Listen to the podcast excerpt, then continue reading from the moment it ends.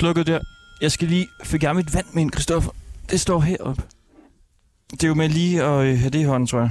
Inden vi ligesom lukker ned for det. Hov, vi mangler faktisk også et, øh, et klæde her. For den her.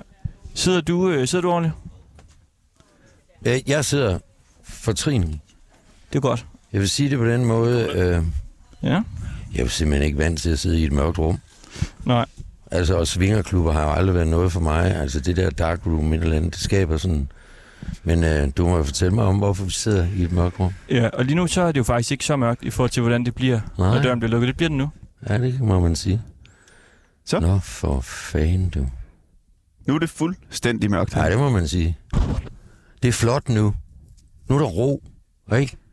Man kan sige, at vi er gået i sort, men lad det være i overført betydning, fordi nu starter det her program jo. Hvad skal det handle om? Det skal handle om dig. Åh oh, nej, jeg synes, jeg er meget på lige i dag. Hvordan det? Jamen, der er jo sket det, at jeg lige nøjagtigt i dag, hvilket jeg aldrig troede skulle ske, men jeg er lige blevet ansat i den danske folkekirke. Tillykke. Jeg er simpelthen frelst til, det hedder, i mit hoved, det hedder det frelst for at tjene. Jeg er blevet ansat som kirketjener i Hans Edes Kirke på Østerbro. Ja. Hvad laver man som øh, kirketjener? Spørger jeg måske dumt. Øh, man laver, hvad kan man sige, forfaldende arbejde, og så har man også den part af det, som der hedder øh, værsligt øh, et bryllup, et barndåb, en begravelse, bisættelse, og øh, hvad, hvad, hvad, hvad er der mere? Øh, jo, almindelige højmesser, søndags højmesse. Øh, ja, Feje øh, for kirkens dør. Sørg for, at det ser ordentligt ud. Lav noget kirkekaffe til de mennesker, som søger kirken. Og det... Jeg har en anelse efter et langt liv om, hvorfor jeg selv nu synes, at det er kirkens tur. Det er noget med alder at gøre. Fantastisk. Og det Ja. skal vi jo nok også øh, tale lidt om i det her program. Det er Ringdal og Christensen på Ja. 24-7. Og lige nu ligger vi inde i et fuldstændig mørkt rum, og det her, det gør vi i ny og næ, hvor vi finder en mand, som vi ikke aner, hvem er, nede på gaden. Og så har vi en team sammen i et fuldstændig mørkt rum. Jeg tror, det er det, det mørkeste rum, vi har haft indtil videre. Jeg kan intet se. Altså, det er bælleragende mørkt. Og vi har så mødt dig. Mm-hmm. Vi aner ikke, hvad du hedder. Nej, Jeg, jeg vil gætte på, at du hedder Pierre. Ja, det gør jeg ikke. Hvad hedder du? Jeg hedder Claus, Claus. og det er stavet på den rigtige måde. Med øh, K. Nej, Satans. lige præcis. Må se. Lige præcis. Hvorfor er det den rigtige måde? Det er ligesom Christian. Skal også være med C. CH. CH nemlig. Hvad skal Christoffer være med? CH. Ja. Du er jo med K, Christoffer. Jeg er med K. Den længste. Ja, så pyt. Mit efternavn er til gengæld med K. Hvad hedder du? Det hedder Knudsen. Til gengæld er det uden D, som i hest, og med to S'er, ligesom i bussen. Ja. Et gammelt motto, det hed Kald Knudsen. Du ved, så ringede man til mig, og så fikset jeg det, hvad det nu måtte være. Ja, Claus Knudsen. Claus Knudsen, ja. Og du øh, altså, skiller dig lidt ud i din påklædning, når man Ja. lige går rundt der på gågaden og skal finde en, man synes ser spændende ud. Nå, I tog mig for påklædningens skyld. Det er sådan hele dit, øh, dit look, vil jeg sige. Ja. Kan du ikke lige prøve at beskrive, hvad, hvad du har på i dag? Jamen rent faktisk, så kommer jeg lige op fra Henrik Vipskovs butik, hvor jeg lige har fået et sæt tøj, som man, hvis man er mig, skal være kirketjener, så findes der kun én farve. Og det er jo ikke lige det, den farve, han producerer sit tøj i, men han havde et suit, og det er selvfølgelig sort, for en kirketjener skal have konservativt sort tøj på til bisættelse, til bryllup, til barndåb, ikke? Mm. synes jeg. Det står der så også i den ansættelseskontrakt, jeg lige har skrevet under for, øh, på for, ja, to timer siden. Så du har hentet dit øh, kirketøj i Henrik Vipskov. Det har jeg, du. Er det normalt at få kirketøj derfra? Nej, men det er fordi, at jeg under tiden går, går hvad hedder det, model for ham. Ja, det er jo et ret dyrt øh, dansk designmærke. Nej, ikke specielt dyrt. Mellem, vil jeg sige. Mm. Men Ja. rigtigt. Kan du lige Design. forklare, hvad, hvad, hvad det er for noget, for dem, der ikke kender øh, Henrik Vibskov? Jamen, Henrik Vilskov er jo, øh, jeg vil lige vil sige mønsterbryder. Det er jo, kan man sige, en, lidt en metafor for at være skrædder. Skrædder er han heller ikke, men han er designer, han er musiker, og han er kunstner. I øjeblikket er hans største hit, øh, tror jeg, at du går ind i en Irma-butik, og så køber du de sorte Irma-sko, har han nu designet i sit eget design. Altså de der Kinasko. Lige så vel som Irma-poserne lige nu bliver lanceret som reststoffer, øh, du ved, ind i det der øh, sustainability tid, vi er i, og genbruge ting. Ikke? Det vil sige, de stoffer, han ikke kommer af med til sin kreationer og sin design, det har han nu lavet samarbejde med Irma om at lave det som indkøbsposer. Ja. Så han er en kreativ fyr, og øh, jeg er hans muse. På Hvordan? den Ja, okay. måde at forstå, at jeg for flere år siden kastede min kærlighed på ham, fordi jeg synes, han er funny, og han er sjov, han er... Ja, det der med kunst behøver ikke bare være som når en butik, for eksempel lige her i nærheden, der hedder kunst og køkkentøj. Det kan jo også være um, kunst og tøj. Altså, han lærer sig inspirere af kunsten. Ingen tvivl om det, og han arbejder også med kunst ved siden af. Så du er venner med ham, eller hvad? Ja, det hænger jo lidt sammen en gang imellem, at man lærer hinanden for, øh, hvad det hedder, folk at kende, ikke? Han spurgte mig, om jeg ville, og jeg kunne tænke mig, at der kendte vi hinanden i forvejen, så tænkte jeg, er jeg ikke blevet for gammel til det der? Nej, det er du ikke. Hvor gammel er du? Så sagde jeg, jamen jeg er 67. 67. Og du er Ja. simpelthen model for, for Vibskov. Ja, ja, altså på hans catwalk, ikke? Mm. Der er lige noget, altså, du, da vi så dig, du har en, øh, og den er du vel stadigvæk på nu, ikke? Jo, jo, jo. nok- En øh, helt vildt øh, farverig kasket. Mm. I, der var noget stof, var det det på? Der er masser af stof. Masser af stof på, den- på den, og så havde du øh, ret posede bukser på, som du ligesom havde sådan nogle cykelstropper rundt. Ja, men det er fordi, jeg er på cykel, Nedbund. ikke? Jeg skulle jo nødt få bukserne i kæden, ikke? Og så var det en blæser. Mm. Ja, det er sgu rigtigt. Du lignede en, øh, en mode rigtig herre. Ja. Men øh, tøj har altid betydet meget for mig. Jeg er enormt forfængelig, og i dag er det en følelsesting. Det her er jo gang- noget tøj, jeg har haft i mange år. Jeg smider ikke tøj ud. Det passer lige ind i tiden. Så bortset fra posebukserne, som Henrik, han, det er en af hans modeller, som er sådan noget godt økologisk stof. Ikke? Og så et par sko Mm. Som jeg købte på Mallorca for nogle tid siden, som er sådan noget, det vi kaldte lærredsko, dengang jeg var barn. Før det hed, du ved, sneakers og alt sådan noget. Ikke? Det hed lærredsko. Du, du nævnte, at han var din muse. Nej, det skulle omvendt. omvendt. Det er mig, der er hans muse. Du er hans muse. Ja, Det er der jo, tror jeg i hvert fald, noget øh, kærlighed også forbundet med. det er der da. Er du sindssygt? Hvad, hvad er kærligheden mellem En muse kaster man sin kærlighed på. Og i det her tilfælde, der er det jo ikke fysisk kærlighed. Det er interesse. Det er, at før at han sagde, vi prøver sgu da. Hvorfor skal det altid være sådan nogle unge, og hvorfor skal de være 1,92 meter, og du er 1,77, det er fint, og du er langt over 60, den tager vi. Vi prøver sgu. For sjov, ikke? Og altså, jeg har jo altså interesseret mig for det der, og fulgt ham som kreatør, som kunstner. Også da han spillede trommer med Trend, Trendemøller og alt det der, ikke? Han er jo sådan multikunstner-agtig, ikke? Men var I venner, før du ligesom forelskede dig hjem? På den måde der? Altså, han kom der i hvert fald til min 60-års fødselsdag. For syv år siden. Vi kendte hinanden, ja. Det gjorde vi. Men det er jo så længere tid siden, at han spillede i Trendemøller gået ud fra. Ja, ja. Men var I venner der også? Ikke dengang. Så du var fascineret om, inden I blev venner? Ja. Jeg synes, han er, jeg synes, han er en fed kunstner. Det må jeg sige. Skrev du så til ham? Nej, Ringede til ham? Kø- København er jo ikke større end at vi... Jeg tror, vi... Øh, vi øh, havde set hinanden mødt og sådan noget, og så var der en aften på Designmuseet. Det er i øvrigt Designmuseet nede i, i hvad hedder Brigade, der nu genåbner.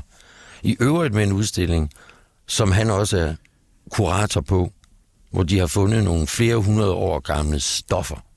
Altså tøj at forstå, ikke? Som øh, han øh, kuraterer og viser frem. Jeg tror, der er, når Frede har været dernede den 14. og se det, eller den 19. Tror du jeg, også, at officielt- øh, tror du også, han er inspireret af dig? det er altså et eller andet sted er det jo sådan en, der går begge veje. Hvordan tror du, han øh, er inspireret dig? Jeg tror, hans inspiration har kørt på min alder i forhold til dem, han umiddelbart henvender sig til med sine kreationer. Det er lidt yngre overgang. Og så kan han godt lide at lege med tingene. Det tror jeg faktisk er indgangen til det. Du sagde, at øh, du er enormt forfængelig. Hvordan kommer det til udtryk? Jamen, det kommer vel til udtryk øh, på en sådan måde, at man er bevidst om, hvad man tager på om morgenen. Og for den sags skyld også bevidst om, hvad man har på, når man lægger sig med konen i sengen om aftenen. Og hvad er man på der? Ingenting. og hvis det er vinter, så har jeg uldbukser på, fordi så har vi den igen. Den der med tøj for mig, det er en følelsessag. Det der med at mærke det på kroppen, på huden, det, det, det ryger lige op i... Altså det er nærmest guddommeligt nu for at blive i, hvad hedder det, det kirkelige sprog. Hvis du er forfængelig, når du er nøgen, betyder det så, at du øh, går meget op i din øh, krop? Jeg går ikke op i den på anden vis, end at det, jeg arbejder på i øjeblikket, det er at holde den smidig. Og det gør jeg bedst ved, den, ved det havearbejde, som jeg har mulighed for i den have, jeg har. Og så nu i dag, hvor jeg gik rundt med en støvsuger ude i Hans Edes Kirke for første gang, og bukkede mig ned og sådan noget. Det, var, altså, det har noget at gøre med, at, at jeg blev sgu lidt sådan... Jeg tænkte, nu er du pensionist. Men hvis det nu er, at du kan finde noget, som ikke slider dig ned, men holder niveauet helbredsmæssigt, holder sig i gang på den gode måde. Og det, det har jeg et håb om, at, at lige præcis det her. Så har jeg levet et langt liv under et motto, som hedder kro, kirke, café, øh, klubhus, måske en måske. Klubhuset, det var jeg i som barn. Krogen kom senere, caféen lavede jeg selv. Jeg er gammel restauratør. Og nu er jeg i kirken. Det her med at tage tøj på øh, om morgenen der. Hvor lang Mhm. tid bruger du på det? Ingen tid. Det er ligesom klodshands. Du ved, det er tilfældighedernes tilfældigheder. Det ligger lige i noget, og jeg har ikke ryddet det op fra dagen i forvejen. Og så, jeg, jeg har det ikke med at hænge tøj op, hvis det er hverdagstøj. Men det lyder jo ikke så forfængeligt, umiddelbart. Altså krøllet tøj, det er der ikke noget galt med. Når nogen ting kan være sådan en kvalitet, at du ikke kan kvøl, øh, krølle det. Du kan ikke se, at det bare har været smidt hen. Men du går vel op i, at det er det rigtige, du tager på, går jeg ud fra. Ja, det er i hvert fald, øh, jeg er bevidst over for, hvad jeg tager på. Men jeg står ikke foran spejlet og tager det på. Det er ikke på den måde. Det er en forfængelighed, der handler om... Altså, min interesse for det her handler i virkeligheden om, at da jeg var barn og boede i Nordjylland, i en lille by, Gistrup, syd for Aalborg, der kan jeg bare huske, at jeg var fascineret af Haubert. Haubert, det var den lokale skrædder. Og jeg, der var en dame, der strikkede uld, uldundertrøjer og uldbukser til mig, fordi jeg havde bronkitis og astma, og altid skulle have varm. Det kløede, og det krassede, og så videre, og det var ubehageligt. Men jeg havde det på kroppen. Så først den dag, jeg smed det, fandt jeg ud af, hvor behageligt det også var at være uden. Og senere i livet fandt jeg ud af at opleve den der barndomsting, og, og få sådan noget, der krassede bare på en lidt anden måde. Så der var, der er nogle store følelser på spil, fordi det, det er sådan en barndomsting, som i virkeligheden har noget med, øh, jeg vil ikke sige sygdom, men noget med helbredelse. Jeg blev så senere rask, men noget jeg sådan oplevede sådan meget intenst som barn. Så tøj for mig er noget med følelser. Og senere der i mit pubertetsliv var jeg op øh, i Vendsyssel. Der ligger der en by, der hedder Vrå. Det hedder Vrå Højskole. Der mødte jeg øh, Broby Johansen, Robert Broby Johansen, gammel kommunist, og ham, han er mest berømt, og faktisk berømt ude i verden for at have skrevet den bog, der hedder Krop og Klæder. Øh, og en masse andre bøger, Dagens Døgn i Danmark, og alt sådan noget, ikke? Der var... Øh, det var manden, der for, øh, fortalte om den antropologiske vinkel på beklædning. Det kom til at interessere mig enormt meget. Og det socioøkonomiske i det. Ikke? Det er jo også interessant i dag. I dag der bliver produceret så meget, som forurener sig af helvede til. Der er kun sådan, lige umiddelbart, så Vipskov arbejder på det, og Gani, et andet stort dansk mærke, som er blevet stort, stort, stort, de er virkelig gået ind i sådan en emission, i stedet for at betale til et eller andet klimaaflad. Så det her med, med, Det interesserer mig. med tåret her, det begyndte du så allerede som, øh, som barn der, og ung og, og gå op i. Altså, jeg fik en bevidsthed. Fordi Men handlede det, det mest om, hvad for noget stof det var lavet af, eller hvad? jamen, i det her tilfælde, bevidstheden, den handlede faktisk om et ubehag. Fordi jeg var tvunget til at gå i hjemmestrikket uldtøj, som krassede. Jeg mener, det var jo ikke fedt. Men det skulle jeg, fordi jeg havde bronkitis og astma, så jeg måtte ikke blive kold. Forstår du, hvad jeg mener? Mm. Så min oplevelse, det var ikke sådan, det var, men det var en bevidsthed om, hvad jeg havde direkte på kroppen, ikke? For du kan sige, Nå, er det, er det kommet der, ved du hvad, der tror jeg, vi skal have fat i en eller anden freudianer. Det, men mit, det er mit eget hjemmestrik. Så altså det at have noget lækkert, godt tøj på, handler også om at generelt have det godt. Ja, for eksempel Fysisk i dag elsker jeg at have uld på min krop. Det skal bare være uld, der ikke krasser, hvis du forstår, hvad jeg mener. For at lave sådan en, en linje fra det. Men hvor Ja. vigtigt er det så, hvordan det ser ud? Det skal være sjovt. Det skal være... Altså, det skal jo på en eller anden måde være noget, som... Jamen, det er også derfor... Øh, være, altså, være så... Det må jo godt være lidt... Øh, ja, hvis jeg øh, tænker på sådan en som Charlie Chaplin, ikke? så kan man sige, hvordan gik han klædt? På mange måder klassisk. Skjorten kunne, kunne godt være hvid, og så havde han en vest, og så havde han en sjov hat på, og en stok, og så et par bukser, der var sådan lidt vige i det, ikke? og et par sko, der vendte ud af, og det var så fordi hans fødder vendte ud af. Men du ved, sådan noget, det gør ikke noget, det, det vækker smil eller inspiration.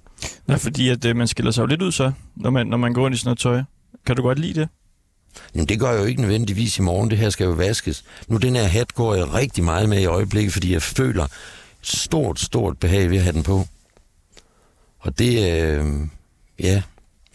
Næste gang du møder mig, så er det ikke sikkert, at du kan kende mig, for så har jeg ikke hatten på. Hvor- Hvordan føler du stort behag af at have en, øh, en øh, kasket på? Jamen, det er lige nu, fordi jeg sådan er lidt træt, ikke? Altså, nu har jeg lige været derude. Og vi skulle snakke, du ved, om, øh, nu skal vi se i gang, og vi glæder os, og øh, du ved, selvom jeg ikke har fået uddannelsen som kirketjener, så skal jeg alligevel stå med øh, 100 mennesker derude til et barndåb, ikke? Forstår du, hvad jeg mener? Men jeg er ikke bekymret. Jeg er gammel restauratør, så jeg har været vant til at byde folk indenfor i, i overvis. Jeg har været restauratør i næsten 30 år, ikke? Hvis du ikke er uddannet kirketjener, hvordan kan du egentlig arbejde som det? Det er fordi, jeg går på arbejde med en, der er det. Fordi efterfølgende, imens jeg arbejder, skal jeg på uddannelse. Men, men hvad er det med, med hatten at gøre? Sagde du det før? Jamen, det, var- du spurgte mig jo om, hvordan det var. Øh, eller jeg sagde til dig, at det er jo ikke sikkert, du kender mig i morgen. Nå, men det var, det var i forhold til det her med, hvordan man kan føle stort behag ved at have en hat på. Og så fortalte du om, at du havde fået jobbet der som, øh, som kirketjener. Nå, nå, for helvede. Så, jamen, så kan du bare sige. Ja, ja, altså, det ved jeg ikke, men altså, du havde et spørgsmål, der gik i retningen af, at... Ja, det, Jeg du sagde sagde, du noget fik med, stort behag ved at have den hat på. Nå, men det var fordi, jeg, jeg føler mig lidt, eller lidt træt i hovedet. Ja. Jeg tror faktisk, det var det. Ja, som jeg fortalte, og det var der, jeg kom ind. Jeg har været ude til ansættelses, og skrive under på ansættelsesaftalen og sådan noget i dag, ikke? Mm. Og så er det dejligt at have en hat på, hvis man er træt i hovedet. Ja. Det synes jeg i hvert fald. Øh, Hvorfor det? Fordi du så kan mærke den øh, fysiske side Ja, det, det tror jeg faktisk, det er. Men har du meget sådan øh, følsom hud, eller fordi du sagde også øh, tidligere, det med at tage tøj på kunne være en guddommelig oplevelse? Og... Nå, men jeg, altså, det, jeg, det jeg sådan set vil sige, det er, at jeg har, og det var det, var, det der var lidt fortællingen, hvordan jeg har det med tøj, så synes jeg, så sagde jeg, jeg synes, der er meget følelser i tøj. Både i forhold til, at der er nogle mennesker, der har siddet og vævet et stof. Noget af det kommer måske fra noget animalsk. Det kan være et får, ikke? Det kan også være noget, der kommer fra noget vegetabilsk, altså noget øh, hør, ikke? Så der er jo nogle processer, så tøj for mig er en del af en længere historie. Der er også nogen, der har farvet det. Der er også nogen, der, nogen, der har lavet et snit og valgt en masse ting, ikke? Er du øh, sådan prætentiøs omkring øh, tøj? Vil du sige det? øh, om jeg er prætentiøs. Altså nu må jeg jo så spørge dig, når du siger prætentiøs i den sammenhæng, så prøv lige at komme det lidt nærmere. Måske at du øh, er en smule snobbet, måske, og du har en klar idé om, hvilket udtryk du gerne vil give om, hvem du er, hvem du gerne vil vise, hvem du er, gennem dit tøj. Det og at synes du dømmer måske også lidt dig selv og andre ud for, hvad for noget tøj de har på. Nej, det gør jeg ikke. Altså mit parameter, det er, at det skal være sjovt. Og øh, snobbet, det kan jeg ikke identificere mig med. Altså, øh, jeg kan identificere mig med at bestræbe på noget, der kan man sige sådan er kvalitativt. Og så øh, med hensyn til tøj i øjeblikket, der synes jeg, det at bestræbe sig på at finde noget, der er sådan øh, i forhold til mulighederne, balanceret i forhold til klima og miljø. Og det er faktisk, øh, kan man sige, en seriøs øh, mulighed. Der er nogen, der arbejder seriøst med det, ikke? Det er da dejligt, at vi har fået en øh, meget, øh, hvad kan man sige, modrigtig kirketjener, kommende kirketjener på besøg. Den, øh, den havde jeg ikke lige set komme. Nej, det er jo også derfor, jeg fortæller dig det, fordi hvis ikke der er paradoxer til at udelukke den der sådan helt mainstream tankegang om, at øh, øh, det hele det er en stor konvention. Altså det handler jo om at bryde med nogle, nogle ting. Altså ting kan jo sagtens øh, være, kan man sige, modsatrettet, eller... Kan du godt lide paradoxer? Ja. Også, om, også omkring ja, dig selv? Ja, ikke om mig selv. Altså, det, det, det men altså, paradok, par, paradoxer, modsætninger og, kan man sige, ukonventionelle øh, måder at tænke på og vende ting på hovedet, øh, både, kan man sige, som et billedsprog, eller som musik, eller som, øh, ja, jeg vil lige vil sige, som restauratør, ikke? Altså, øh, for eksempel sådan noget, jeg har aldrig kunne finde mig selv øh, i, øh, i billedet som restauratør, som sådan en, der var en del af en fastfoodkæde, vel? Det var noget, der var organisk, hvor der var nogle ansatte mennesker. Nogle lavede maden, andre øh, var, kan man sige, på gulvet og servicerede folk. Ikke? Meget af det i dag kommer jo sådan ligesom ud som en færdig ting. Ikke? Du lyder jo som altså, øh, øh, prototypen på kultureliten, når du taler på den der måde. Ja, men jeg vil sige... Øh, Og du kommer Der er fra der Aalborg, der er ikke eller noget- fra der- Nordjylland i hvert fald. Ja, der er jo ikke noget galt i øh, elite overhovedet ikke.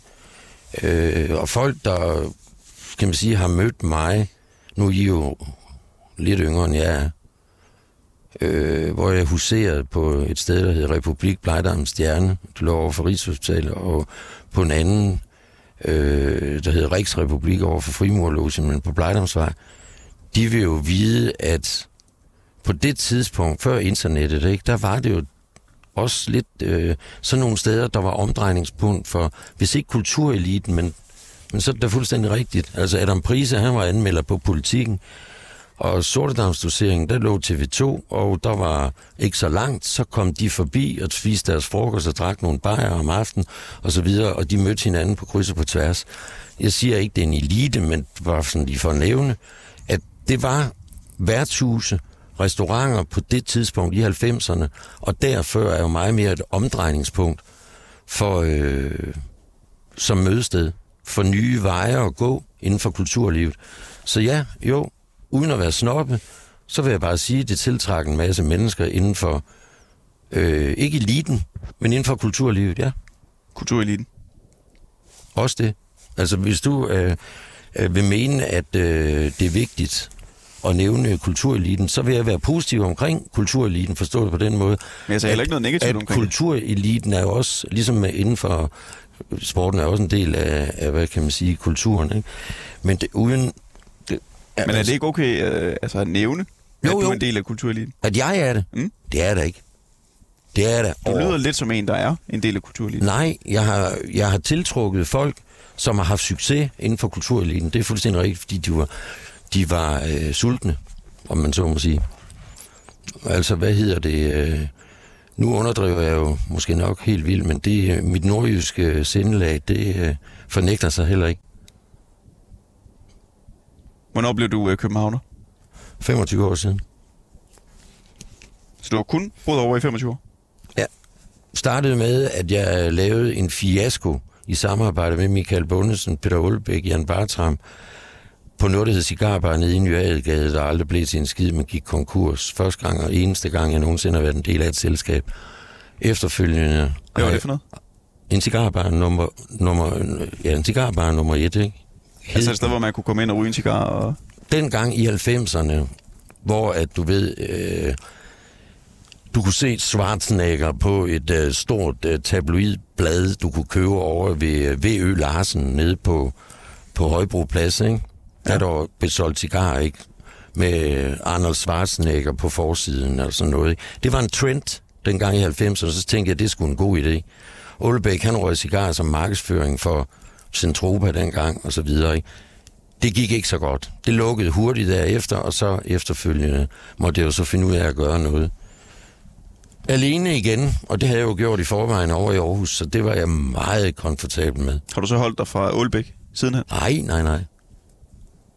Altså, hvad hedder det? Øh, Han lever jo sit, sit eget liv. Jeg møder ham en meget sjælden gang, men jeg har da mødt ham. Øh, min, min kone er, er selv skuespiller, så vi øh, har frekventeret, øh, frekventeret sådan noget Bodil, og hvad, hvad hedder det? Jens Jørgen, det hedder det ikke. Robert. Robert. Kender man din kone? Så, øh, det er der da nogen, der gør. Altså, hun øh, har medvirket, ja, jeg tror det sidste, hun var med i Herrens Veje, apropos, altså hold da kæft, hvor er det morsomt, ikke? Nu, nu kommer det der med Folkekirken igen. Det var Adams Prises, øh, der kom til at hedde her, øh, hvad hedder Herrens Veje, En DR-serie for nogle år siden. lige nøjagtigt, hvor hun spillede organist, tror jeg sgu. Organist. Ja. Mm. Levkovic, hendes... Øh, Jeg så godt serien. Ja, Hun var organist. ja. Hvad hedder din øh, kone? Johanne Johanne? Dahl Levkovic. Mm. Og sjovt så hun, øh, når vi er inde, så hendes onkel, han hedder Bernhard Levkovic, og er 96 år, og organist, komponist, øh, altså kor og øh, korkomponist. Det er det navn, Levkovic. Så det er en gammel mand, der ligger i sin seng i dag ude på Diakonissestift nu i Hellerup. Hvor gammel er din kone? Hun er 46. Så hun er så 20 år yngre end dig, cirka. Ja, det er afhængigt af, hvornår jeg fylder over. Hun fylder over, så det veksler mellem 20 og 21. Ja, vi lærte hinanden at kende over i Aarhus for mange år siden. Og så øh, mødte hun i mellemtiden en anden på Aarhus skuespillerskole, og de fik to dejlige børn, Luna og Elias. Og dem er vi så sammen med i dag. Store teenager. Og så er hun lige blevet slået ihjel, tror jeg nok, under nogle optagelser til den der serie, der hedder Sommerdal. Er det en lille spoiler, du kommer med der? Hvordan? Altså er hun blevet slået ihjel i det, man har set? Det er ikke blevet vist endnu. Hun har lige haft en rolle, forstod jeg her forleden, var hun øh, op og blive optaget som en, der hed Beatrice. som var en karakter. En hovedrig datter af en dansk vinbonde i Frankrig. Nå. Men Som- hun er så lige blevet slået ihjel. Ja, fordi optagelserne var... Det var det sidste, jeg ved, hun ligesom har lavet, ikke? Det er ikke blevet vist endnu. Og Sommerdal, det er vist en serie, er det ikke det? Jo, TV2-serie, ikke? Yep. TV2 Charlie, tror jeg. Jeg ved ikke, om vores lytter, ser Sommerdal. Foregår... Nå, det er der mange, der gør, ved jeg. Jeg snakkede med en, han fortalte, uh, tyskerne, mand, de er jo helt tosset med det der. Så det er en kæmpe succes. Er det ikke det med Peter Myggen? Det var jo. Jo, jo, jo. jo. Så kan vi jo lige sige, altså, at øh, du lytter til Ringdal og Christensen på 24-7, og vi sidder inde i et øh, fuldstændig øh, mørkrum med øh, en mand, Claus, som vi har fundet nede på, øh, på gaden, og spurgt, om, øh, om du ikke vil op og lige tale med os i det her mørke rum her. Hvad, hvad synes du om at sidde inde i det her rum? Spørger du mig? Ja, altså, hvad, hvad synes du om mørket her? Altså, jeg vil sige, en god madras. Mm? Dejlig stof, der er her på. Ja, vi sidder så nede på gulvet. Mm. Mm. ligger lidt ned, kan man Ja. sige. Så har vi taget Altså, nogle jeg synes ud fra faktisk, det er rimelig komfortabelt. Men øh, jeg savner sgu øjenkontakt med den, jeg snakker med, det må jeg sige. Giver det et eller andet, at vi ikke kan se hinanden? Synes du det?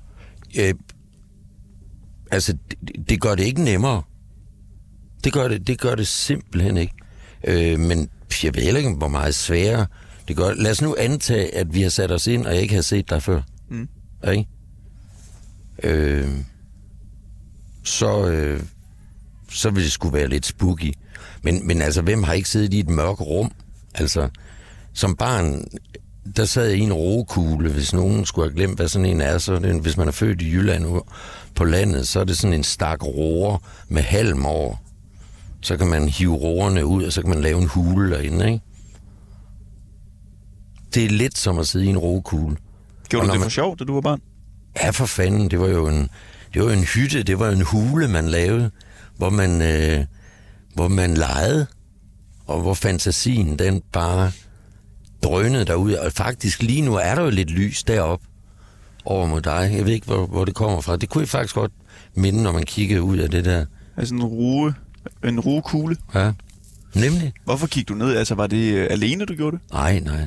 Så sad du ned sammen med nogle Ja, venner? ja. Man lavede en hule i skoven, eller også gik man ud på en mark, hvor den der stod. Og så havde man sit hemmelige sted der, ikke? Hvad gav det så ligesom at sidde i mørket, dengang man var barn? Kan du huske det? Ja da, det gav dig lige præcis den der spændende... Og, og, og når du nu altså faktisk bliver bragt ind i det, fordi det her minder om det, fordi så talte man jo også sammen, og den måde, man så talte sammen på, det kan jeg godt genfinde nu. Det er ikke uhygge. Det er sgu lidt, det er lidt fedt også, når du nu bringer mig herhen i det land. Skal vi så ikke dvæle ved øh, ruekuglen? Kan du huske øh, nogle af de tanker, du havde nede i kuglen? Ja. Det kan jeg. Det er fantasi.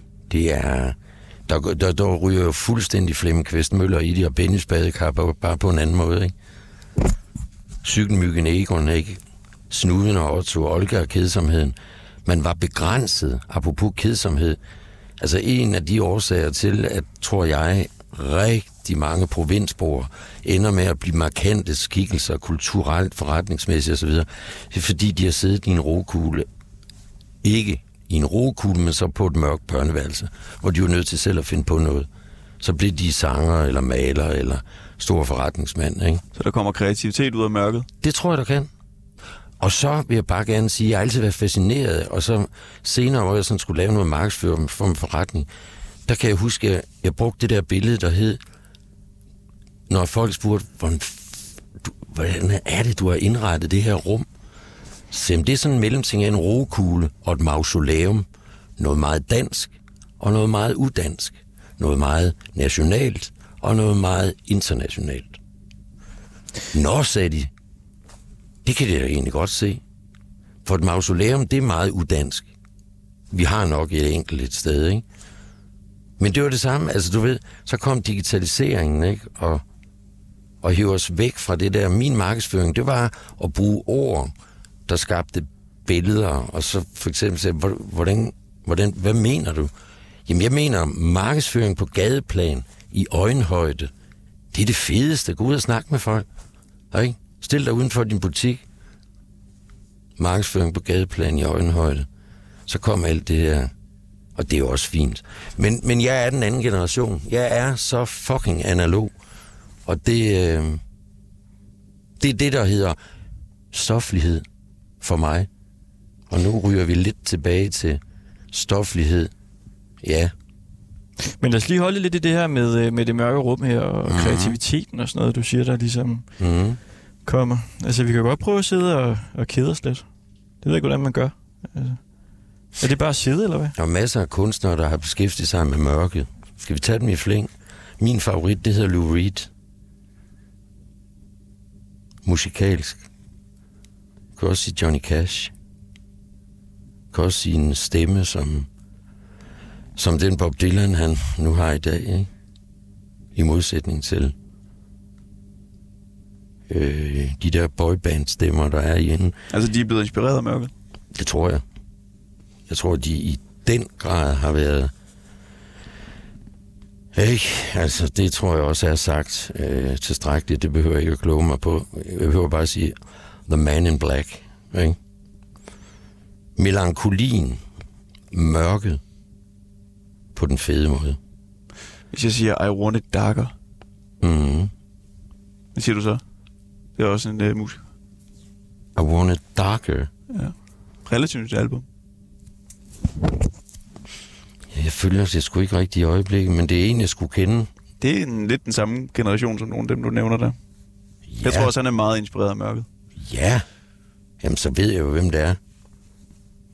Øh, og det var ikke Lou Reed, fordi han er død, og Bob Dylan lever endnu. Han begynder også med el. Jamen, det er da helt vildt.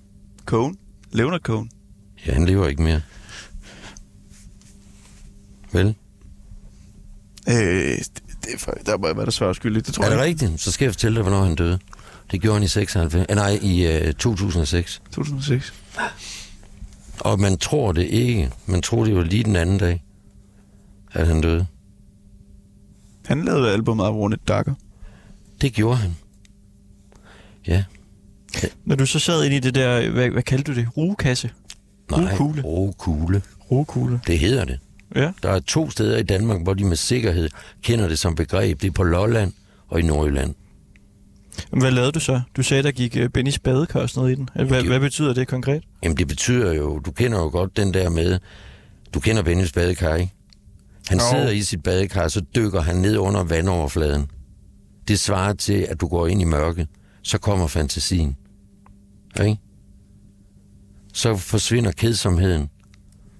Og så kommer fantasien. Da du så var der som barn, ikke? Mm. I Rukuglen, drømte du dig så væk fra Jylland? Øh, øh, ikke, ikke som barn drømte jeg mig ikke væk. Men det stod lysende klart for mig, øh, at ligesom øh, når øh, Lou Reed og John Cale laver det album, der hedder Songs for Drella, som er en sammentrækning af øh, Dracula og Cinderella til deres ven Andy Warhol, ikke? hvor de synger om We all grew up in a small town. Og så synger de til sidst And we leave it. Det er jo på et tidspunkt, så må du sige, skal jeg blive at spille fodbold i OB, eller skal jeg til øh, Aarhus og spille fodbold i AGF? Skal jeg videre fra Aarhus? Faktisk, da jeg fyldte 66 for et år siden, der tænkte jeg, gud, jeg var 22, da du flyttede fra Aalborg. Eller Nordjylland. Så var du 44, da du flyttede fra Aarhus. Og sidste år 66, der havde jeg boet, du ved, 22 år hver, i hver landsdel, ikke? Mm. Var du glad for at flytte, øh, flytte fra Aalborg? Ikke glad. Jeg er stadigvæk tilknyttet, kan man sige, og som jeg siger, min, min kan man sige, min øh, nationalkarakter, det hedder det jo ikke, men min egens karakter, den skinner stadigvæk igennem. Da jeg flyttede til København, dem, der kendte mig i København, de kendte mig fra Aarhus. Det var københavnere, der tog til Aarhus, og så havde jeg et sted derovre. Øh, og de troede jo, da jeg så flyttede til København, at jeg var Aarhusianer. Øh, det var jo så også på en måde, jeg havde i hvert fald boet der lige så længe som min tidligste barndom og ungdom i Aalborg, ikke? Så det kunne jeg jo ikke fortænke dem i. Men, Men- hvorfor, hvorfor valgte du at flytte fra Aarhus i så høj en alder? Altså, fordi tit så ser man jo sådan øh, unge fra Aarhus, der flytter til København, og så nogle år der, så flytter de måske tilbage og bliver gamle i, i Aarhus. Ved du hvad, det gjorde jeg, fordi at jeg synes, jeg havde rørt hver en brosten derovre. Det synes jeg, jeg havde. Jeg synes, jeg havde været i byen omkring 100 gange. På England, ikke? på Casablanca, på Maggie's Pizza, havde åbnet mit eget sted, og nu åbnede de det gud døde mig åen, som ville noget helt andet, end det jeg havde villet. Og de unge mennesker, de vil have en 7-Eleven, eller så kunne de ikke betragte dem som boende i en stor by. Og det eneste, jeg kæmpede imod, det var McDonald's og 7-Eleven. Fordi jeg synes, at det ligesom skulle være, hvorfor ikke få den gode gamle købmandskultur tilbage igen? Så hjørnerne ikke var fyldt med 7-Eleven, med noget kvalificeret andet, som tog udgangspunkt i vores egen kultur. Christoffer, han var jo helt vild med Maggie's Pizza i øvrigt. Jamen det Den der med kødpizzaen der. Ja, ja. Men, Den altså, hed den bedste. men, men du, Miki men, var min bedste ven. Miki Lee, bummelum, desværre død. Ja, han faldt om. Han blev 67. For den, der han faldt om øh, ned i kælderen. det gjorde Eller han på sgu. trappen, eller hvor. Det Han havde, lige været ude, han havde lige været ude af vinterbad ude ved den permanente, du. Så gik han ned i sit fjernsynsrum, og så sagde han, yep men altså, hvorfor havde du behov for at skulle finde en, en ny sten at vende der? Altså i så høj en alder, skulle du ikke bare læne dig tilbage og, og hygge dig? Og... Ved du hvad? Det er et pissegodt spørgsmål, du stiller mig, fordi du, giver mig, at du, du, du svarer simpelthen selv på det på en måde. Derfor, slut med at kede sig. Hvis man gentager sig selv, det er meget godt. Men hvis man har gentaget sig selv igen og igen og igen og igen og igen, ikke? så skal man altså afsted. Så den der høje alder som 44-årig, det, altså, der har jeg også et eller andet. Altså, hvis man holder sig i gang på noget, som man brænder for, som svarer ind i din alder, så øh, vil jeg sige, så øh, kan man måske blive en gammel mand. Det vil jeg gerne sandsynliggøre og gøre rigtig meget for.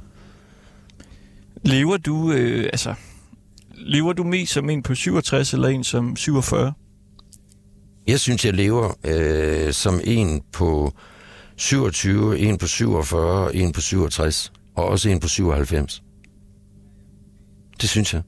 Hvordan kommer det til udtryk? Altså en på 27? Jamen altså, for eksempel så har jeg en øh, teenage øh, papsøn, og han holder mig big time til fadet. For eksempel med, hvad rører der sig i det kultursegment, der henvender sig til hans alder. Så jeg kunne også have sagt 17. Nu er han 19, ikke? Men forstår du, hvad jeg mener? Mm. det er jo en af de fordele, man har ved at have teenager omkring sig. Det er, at man får muligheden for at øh, ligesom kunne, kan følge med, ikke? Øh, Var det to, to af dem, du havde, eller hvad? Ja, Luna, Ja. øh, hun er 15, de er konfirmeret, og Elias, han bliver færdig på Niels Brock her øh, den 21. Så skal vi have fest i haven. Men det var så en, det er en papsøn og papdatter, eller hvad? Ja, ja, det, det er Johannes Mm. mm. børn. Så du har ikke selv nogen øh, biologiske Jo, jo. børn? jo. Hvad laver de? Min søn, Nikolas, han bor i Aarhus og øh, erhverver sig som øh, kunstmaler. Mm. Ja. Er du, øh, er du tæt med... Er det en, du har der, eller hvad? En? Øh, hvad for noget? Hvor mange biologiske børn har du? Så er der Louise, hun arbejder herovre på et øh, kommunalt projekt øh, med udslusning af unge børn, som øh, har forskellige udfordringer. Er du tæt med dem? Nej, de voksne, altså... Øh, nej, det kan, jeg ikke, det kan jeg ikke sige tæt med dem. Altså, jeg, det, jeg ser dem jo ikke hver dag overhovedet. Hvor tit taler du med dem? Ja, det gør jeg jo ofte. Altså hver 14. dag, eller nogle gange flere gange. Eller oftere. Ja, det synes jeg da ikke er særlig meget. Hver 14. dag. Nej, men den ene er 41, den anden er øh, 39. Ja. De har ligesom deres eget liv også. Det må du også få rimelig øh, ung, så. 25. Og leder af børnenes jord i Aarhus Tunegade. Mm. Ja. Dejligt sted. Ja. Der har spillet meget fodbold som barn. Det har du da. Så hvor gammel er du? Måske har jeg tørt røv på dig. ja, jeg er 29. Jamen, det er meget sjovt, fordi jeg møder jo mange herover, som var yngre og børn, da jeg var voks, den voksne på børnenes jord. Stig Rohr, der er for eksempel Pixie ude på, ja, den har han så solgt. Nu har han så den, der hedder Eventyrkiosken ude i Fældeparken, ikke? Det var et barn af børnenes jord. Synes du, du taler nok med dine øh, børn? Dine biologiske børn? Nej. Men altså, jeg, jeg, vil- jeg vil så til gengæld sige, det, det, det, det, det, det passer. Jeg vil være, jeg er en aktiv mand. Jeg taler med så mange andre. Det gør jeg. Men tror du, de synes, at du taler nok med dem? Ja. Det ved jeg. Altså, det ved jeg. Ja, Hvorfor ved du det? Har du spurgt dem? nej, men øh, deres behov øh, øh, er dækket af at høre på deres far, tror jeg. nej, det er sagt i sjov. Altså, der, der øh, nej, Det skulle ikke være første gang i verdenshistorien, at man har hørt en mand, der har fået en ny, får nogle yngre børn mm. og glemmer lidt de ældre. Jo, jo, men, men, men de nye her er jo ikke mine børn. De har jo også en far. En rigtig sød far. Så, øh, så det er jo ikke øh, på den måde, det, det, det gør jo en forskel. Hvorfor tror du ikke, du taler mere med din øh, biologiske der?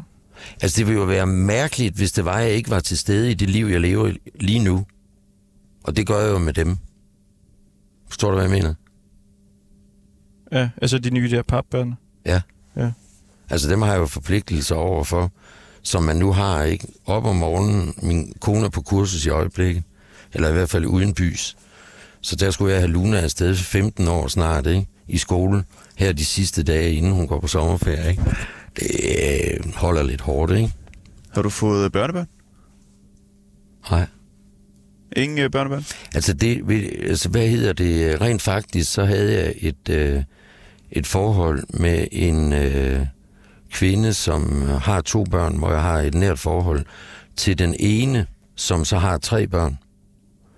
Og øh, det, det, det hedder jo så også pap, papbørn, ikke?